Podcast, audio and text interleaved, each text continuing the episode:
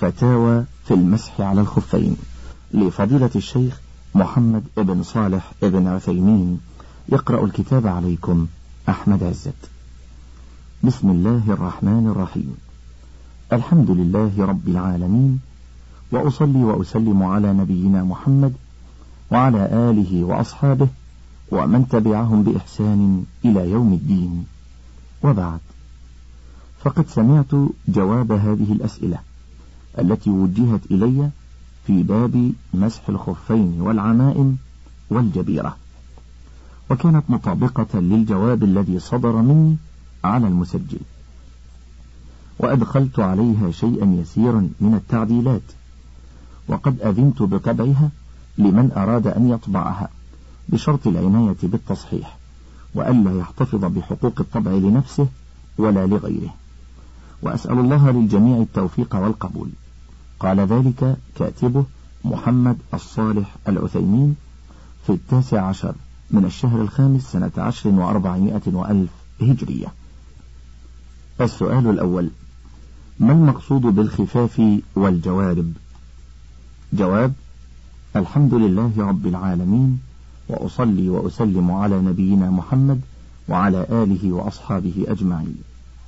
المقصود بالخفاف ما يلبس على الرجل من جلد ونحوه والمقصود بالجوارب ما يلبس عليها من قطن ونحوه وهو ما يعرف بالشراب. السؤال الثاني ما حكم المسح على الخفاف والجوارب؟ وما دليل مشروعية ذلك من الكتاب والسنة؟ جواب المسح عليهما هو السنة التي جاءت عن رسول الله صلى الله عليه وسلم. فمن كان لابسا فالمسح عليهما أفضل من خلعهما لغسل الرجل. ودليل ذلك حديث المغيرة ابن شعبة رضي الله عنه أن النبي صلى الله عليه وسلم توضأ. قال المغيرة فأهويت لأنزع خفيه. فقال دعهما فإني أدخلتهما طاهرتين. فمسح عليهما. ومشروعية المسح على الخفين ثابتة في كتاب الله وسنة رسول الله صلى الله عليه وسلم. أما كتاب الله ففي قوله تعالى يا أيها الذين آمنوا إذا قمتم إلى الصلاة فاغسلوا وجوهكم فاغسلوا وجوهكم وأيديكم إلى المرافق وامسحوا وامسحوا برؤوسكم وأرجلكم إلى الكعبين. فإن قوله تعالى وأرجلكم فيها قراءتان سبعيتان صحيحتان عن رسول الله صلى الله عليه وسلم. إحداهما وأرجلكم بالنصب. عطفا على قوله وجوهكم. فتكون الرجلان مغسولتين. والثانية وأرجلكم بالجر. عطفا على رؤوسكم فتكون الرجلان ممسوحتين.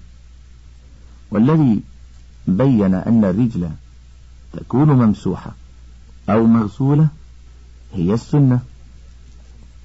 فكان الرسول صلى الله عليه وسلم إذا كانت رجلاه مكشوفتين يغسلهما وإذا كانتا مستورتين بالخفاف يمسح عليهما. وأما دلالة السنة على ذلك. فالسنة متواترة. في هذا عن رسول الله صلى الله عليه وسلم. قال الإمام أحمد رحمه الله ليس في قلبي من المسح شيء. فيه أربعون حديثا عن رسول الله صلى الله عليه وسلم وأصحابه. ومما يذكر من النظم قول الناظم. مما تواتر حديث من كذب ومن بنى بيتا ومن بنى لله بيتا واحتسب. ورؤية شفاعة والحوض ومسح خفين وهذه بعض. فهذا دليل مسحهما من كتاب الله وسنة رسوله صلى الله عليه وآله وسلم. السؤال الثالث. ما هي الشروط الثابتة الصحيحة للمسح على الخفين مع الأدلة على ذلك؟ جواب يشترط للمسح على الخفين أربعة شروط. الشرط الأول أن يكون لابسا لهما على طهارة. ودليل ذلك قول النبي صلى الله عليه وسلم للمغيرة بن شعبة دعهما فإني أدخلتهما طاهرتين. الشرط الثاني أن يكون الخفان أو الجوارب طاهرة فإن كانت نجسة فإنه لا يجوز المسح عليها. ودليل ذلك أن رسول الله صلى الله عليه وسلم صلى ذات يوم بأصحابه وعليه نعلان فخلعهما في أثناء صلاته وأخبر أن جبريل أخبره بأن فيهما أذى أو قذر وهذا يدل على أنه لا تجوز الصلاة فيما فيه نجاسة ولأن النجس إذا مسح عليه بالماء تلوث الماسح بالنجاسة فلا يصح أن يكون مطهرا. والشرط الثالث أن يكون مسحهما في الحدث الأصغر لا في الجنابة أو ما يوجب الغسل. ودليل ذلك حديث صفوان بن عسال رضي الله عنه قال أمرنا رسول الله صلى الله عليه وسلم. إذا كنا سفرا ألا ننزع خفافنا ثلاثة أيام ولياليهن إلا من جنابة ولكن من غائط وبول ونوم. فيشترط أن يكون المسح في الحدث الأصغر ولا يجوز المسح في الحدث الأكبر. لهذا الحديث الذي ذكرناه. الشرط الرابع أن يكون المسح في الوقت المحدد شرعا وهو يوم وليلة للمقيم وثلاثة أيام بلياليها للمسافر. لحديث علي بن أبي طالب رضي الله عنه قال جعل النبي صلى الله عليه وسلم للمقيم يوما وليلة وللمسافر ثلاثة أيام ولياليهن يعني في المسح على الخفين أخرجه مسلم. وهذه المدة تبتدئ من أول مرة مسح بعد الحدث وتنتهي بأربع وعشرين ساعة بالنسبة للمقيم واثنتين وسبعين ساعة بالنسبة للمسافر. فإذا قدرنا أن شخصا تطهر لصلاة الفجر يوم الثلاثاء وبقي على طهارته حتى صلى العشاء من ليلة الأربعاء ونام ثم قام لصلاة الفجر يوم الأربعاء ومسح في الساعة الخامسة بالتوقيت الزوالي فإن ابتداء المدة يكون من الساعة الخامسة من صباح يوم الأربعاء إلى الساعة الخامسة من صباح يوم الخميس. فلو قدر أنه مسح يوم الخميس قبل تمام الساعة الخامسة فإن له أن يصلي الفجر أي فجر يوم الخميس بهذا المسح ويصلي ما شاء أيضا ما دام على طهارته لأن الوضوء لا ينتقض إذا تمت المدة على القول الراجح من أقوال أهل العلم. وذلك لأن رسول الله صلى الله عليه وسلم لم يوقت الطهارة وإنما وقت المسح. فإذا تمت المدة فلا مسح ولكنه إذا كان على طهارة فطهارته باقية لأن هذه الطهارة ثبتت بمقتضى دليل شرعي وما ثبت بمقتضى دليل شرعي فإنه لا يرتفع إلا بدليل شرعي ولا دليل على انتقاض الوضوء بتمام مدة المسح ولأن الأصل بقاء ما كان على ما كان حتى يتبين زواله. فهذه الشروط التي تشترط للمسح على الخفين. وهناك شروط أخرى ذكرها بعض أهل العلم وفي بعضها نظر. السؤال الرابع ما صحة ما اشترطه بعض الفقهاء أن يكونا ساترين لمحل الفرض؟ جواب هذا الشرط ليس بصحيح. لأنه لا دليل عليه. فإن اسم الخف أو الجوارب ما دام باقيا فإنه يجوز المسح عليه. لأن السنة جاءت بالمسح على الخف على وجه مطلق.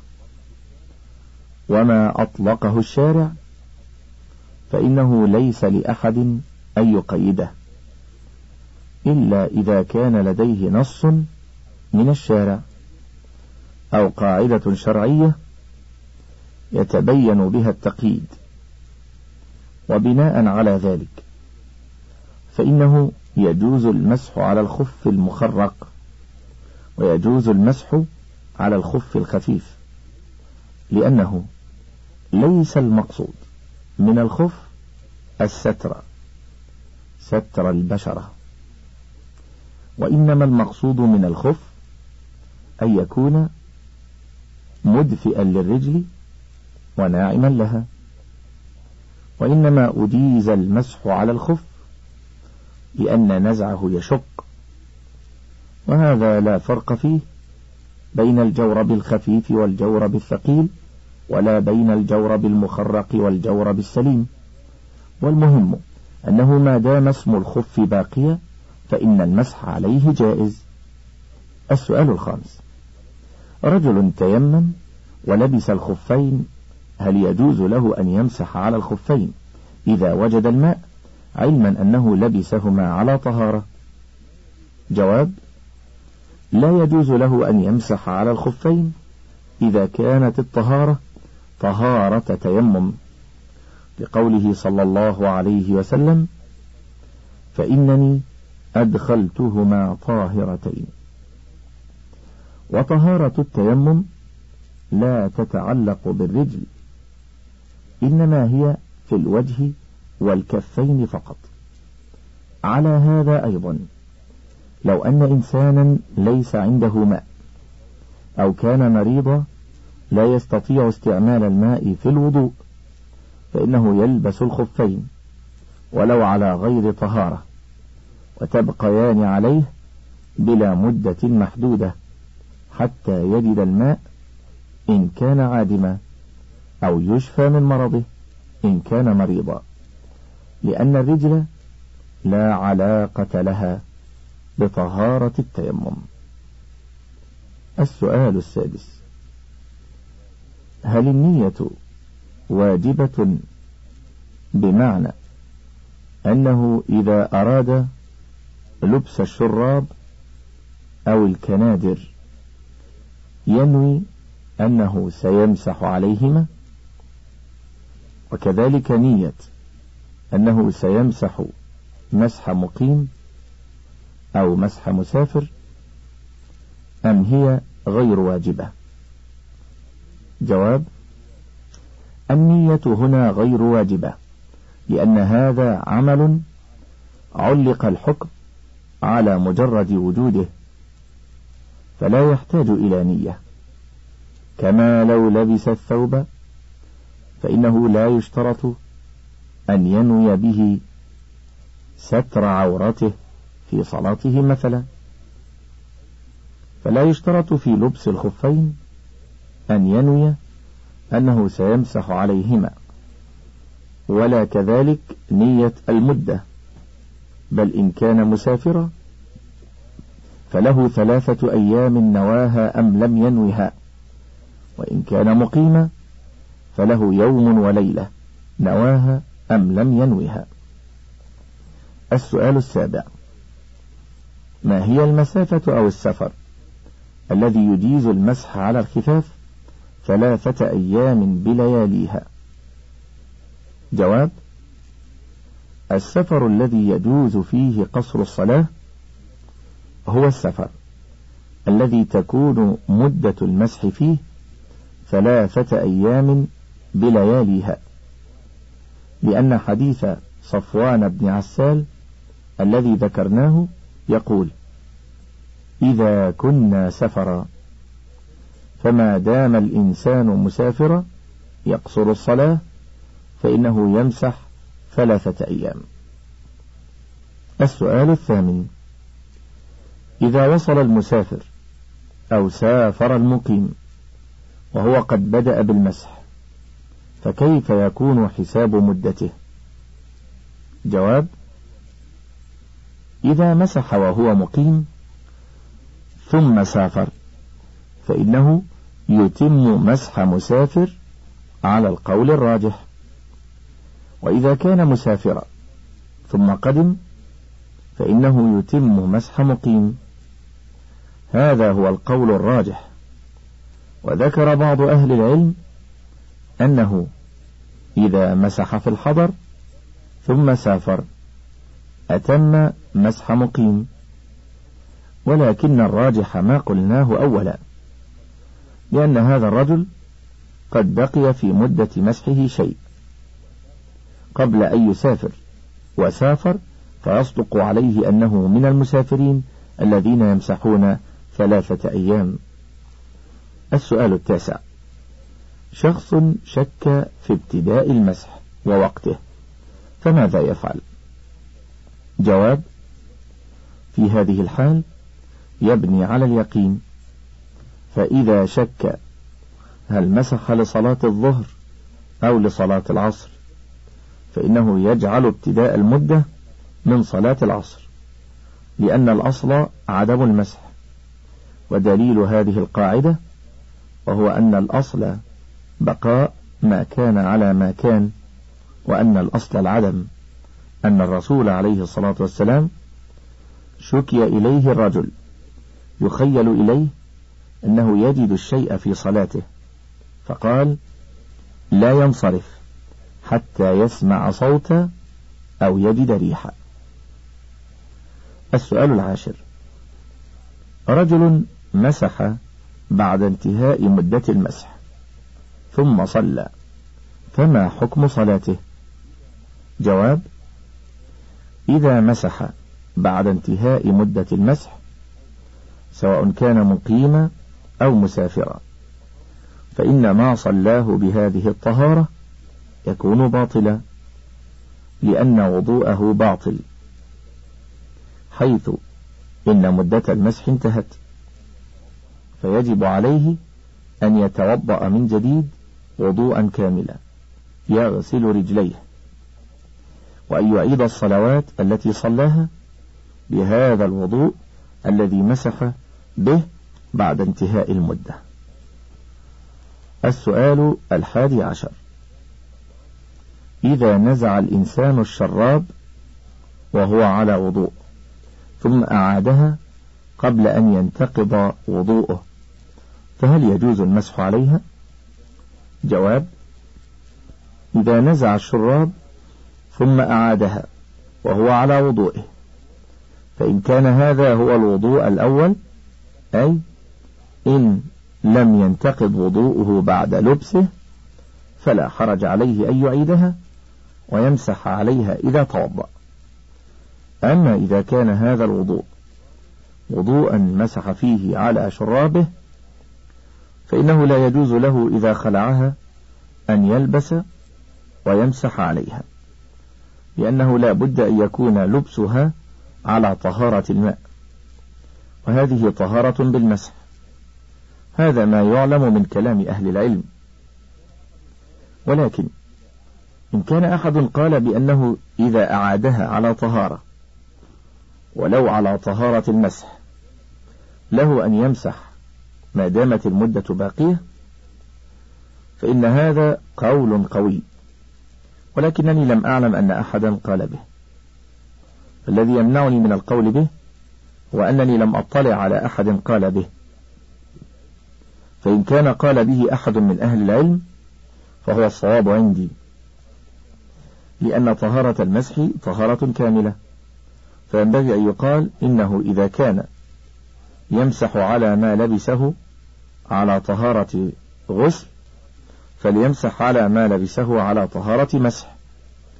لكنني ما رأيت أحدا قال بهذا. سؤال. إذا لا تقول إن خلع الخفين من مبطلات المسح. جواب. إذا خلع الخف لا تبطل طهارته لكن يبطل مسحه دون الطهارة. فإذا أرجعها مرة أخرى وانتقض وضوءه فلا بد أن يخلع الخف ويغسل رجليه. والمهم أن نعلم أنه لا بد أن يلبس الخف على طهارة. غسل فيها الرجل على ما علمناه من كلام أهل العلم. سؤال. رجل يمسح على كنادر في أول مرة. ففي المرة الثانية خلع الكنادر ومسح على الشراب. هل يصح مسحه أم لا بد من غسل الرجل؟ جواب.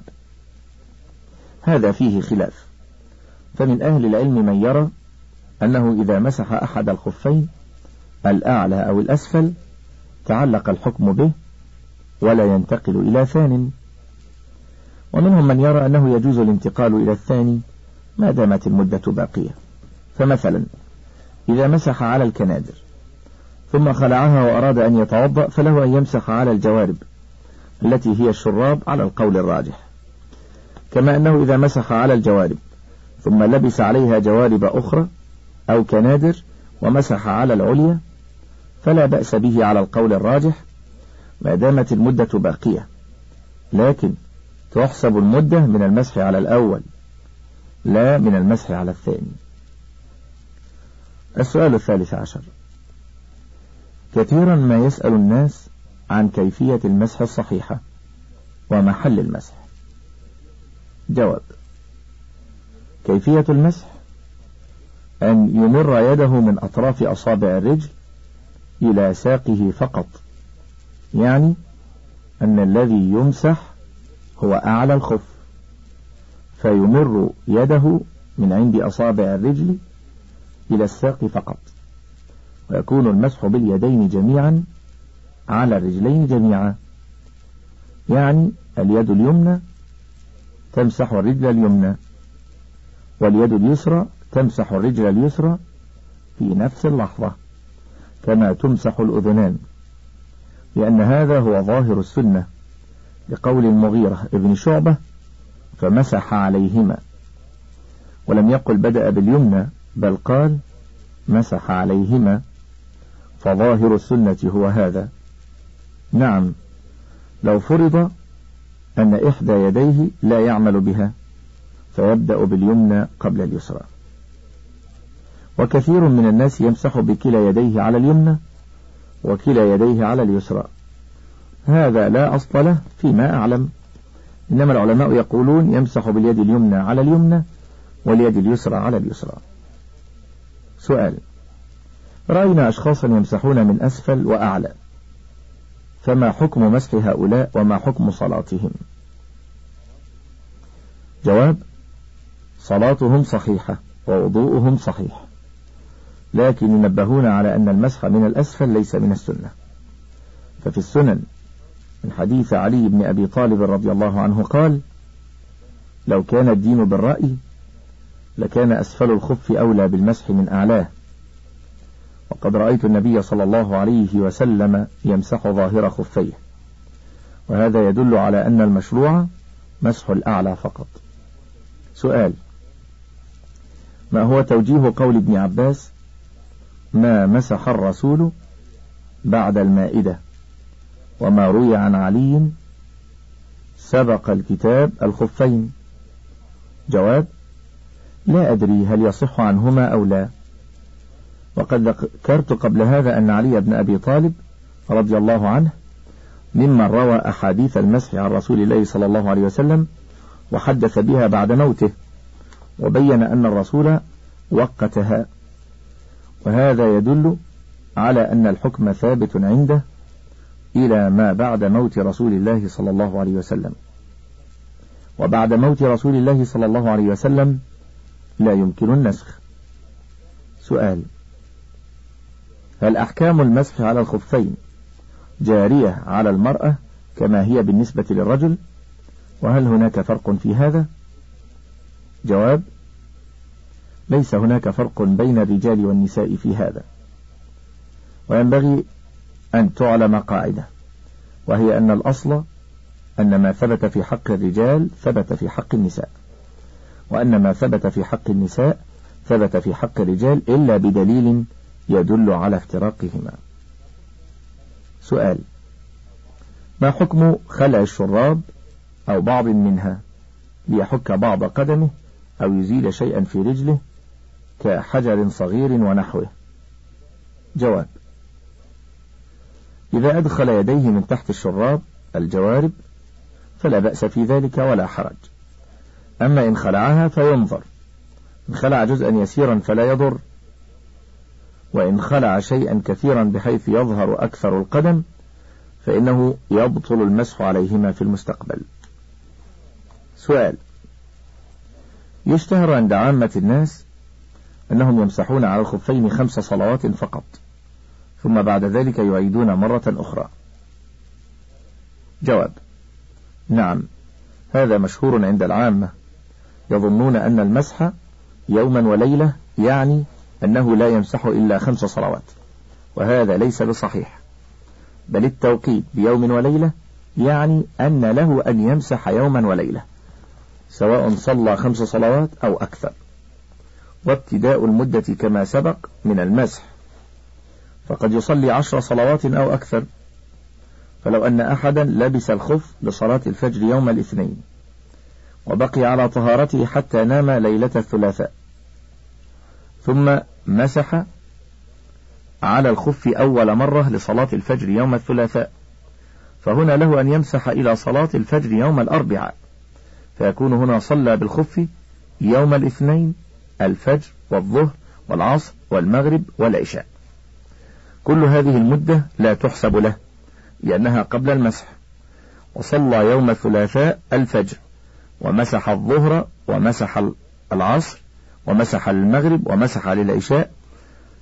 وكذلك يمكن أن يمسح لصلاة يوم الأربعاء إذا مسح قبل أن تنتهي المدة.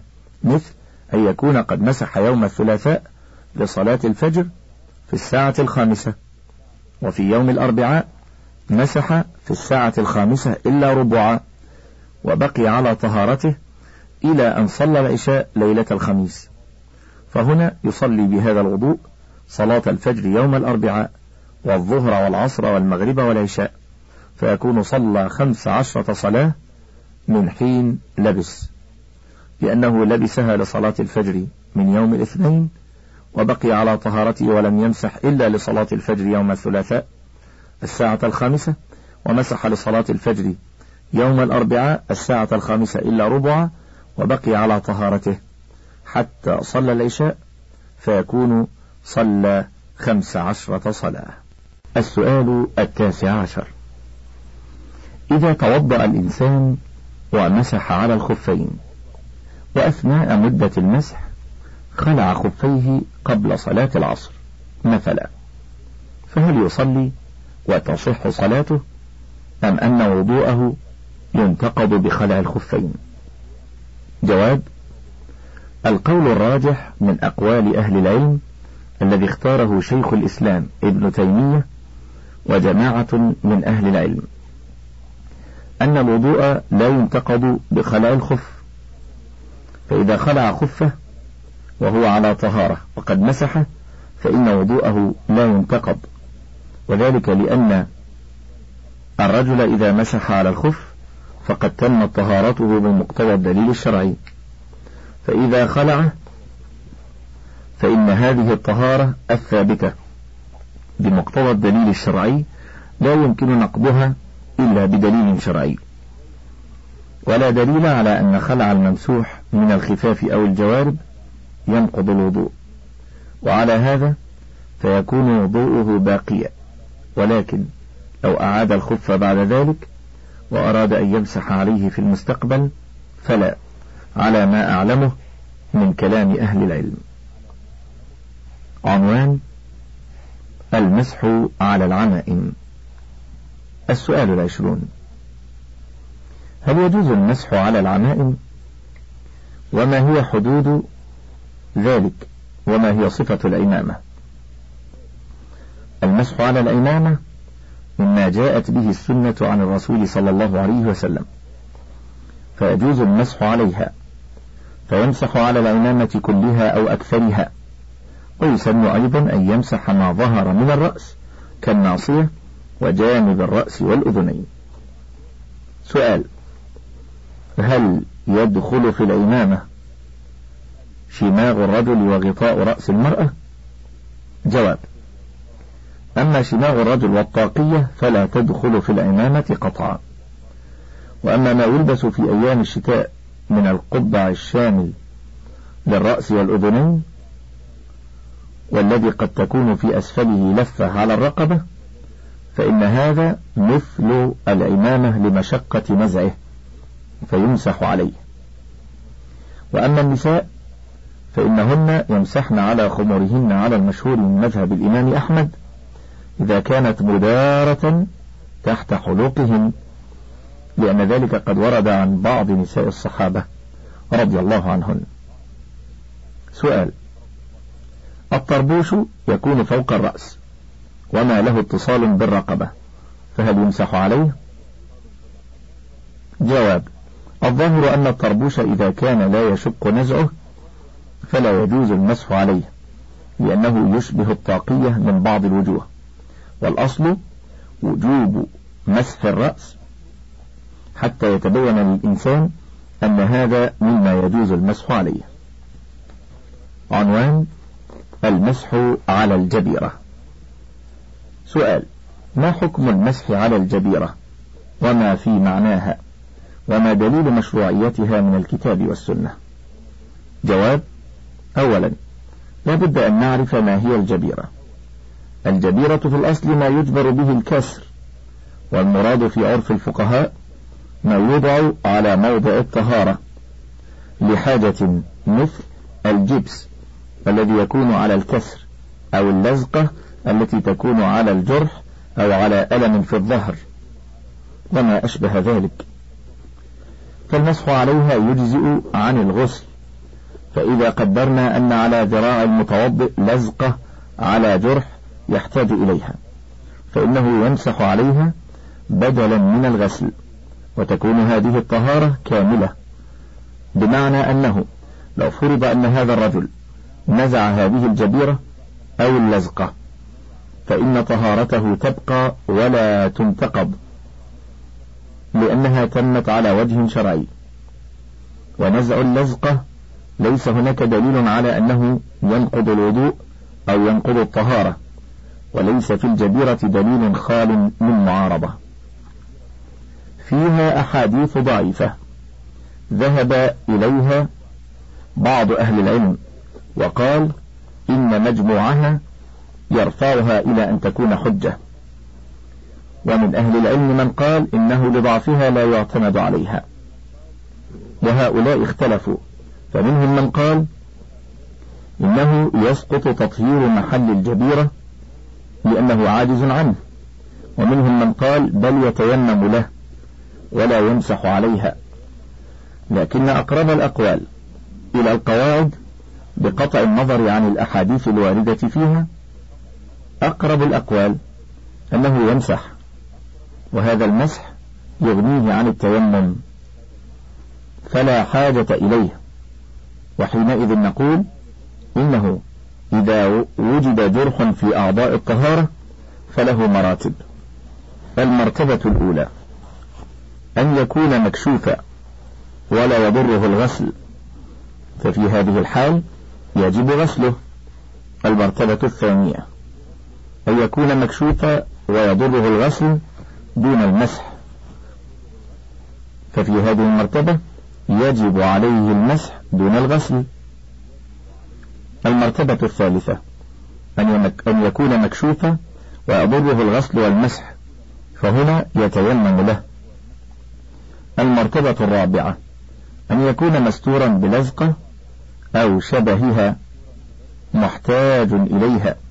وفي هذه الحال يمسح على هذا الساتر ويغنيه عن غسل العضو. سؤال هل هناك شروط للمسح على الجبيرة؟ بمعنى مثلا إذا كانت زائدة عن الحاجة جواب الجبيرة لا يمسح عليها إلا عند الحاجة فيجب أن تقدر بقدرها. وليست الحاجة هي موضع الألم أو الجرح فقط بل كل ما يحتاج إليه في تثبيت هذه الجبيرة أو هذه اللزقة مثلا فهو من الحاجة. سؤال هل يدخل في معناها اللفائف مثل الشاش وغيره؟ جواب نعم يدخل. ثم ليعلم أن الجبيرة ليست كالمسح على الخفين تقدر بمدة معينة بل له أن يمسح عليها ما دامت الحاجة داعية إلى بقائها. وكذلك أيضا يمسح عليها في الحدث الأصغر والحدث الأكبر بخلاف الخف كما سبق. فإذا وجب عليه الغسل يمسح عليها كما يمسح في الوضوء. جواب ما هي كيفية المسح على الجبيرة هل يعمها كلها أو يمسح بعضها مع التفصيل؟ جواب نعم يعمها كلها لأن الأصل أن البدل له حكم المبدل ما لم ترد السنة بخلافه. فهنا المسح بدل عن الغسل. فكما أن الغسل يجب أن يعم العضو كله فكذلك المسح يجب أن يعم جميع الجبيرة. وأما المسح على الخفين فهو رخصة وقد وردت السنة بجواز الاكتفاء بمسح بعضه. انتهى كتاب فتاوى في المسح على الخفين لفضيلة الشيخ محمد بن صالح بن عثيمين.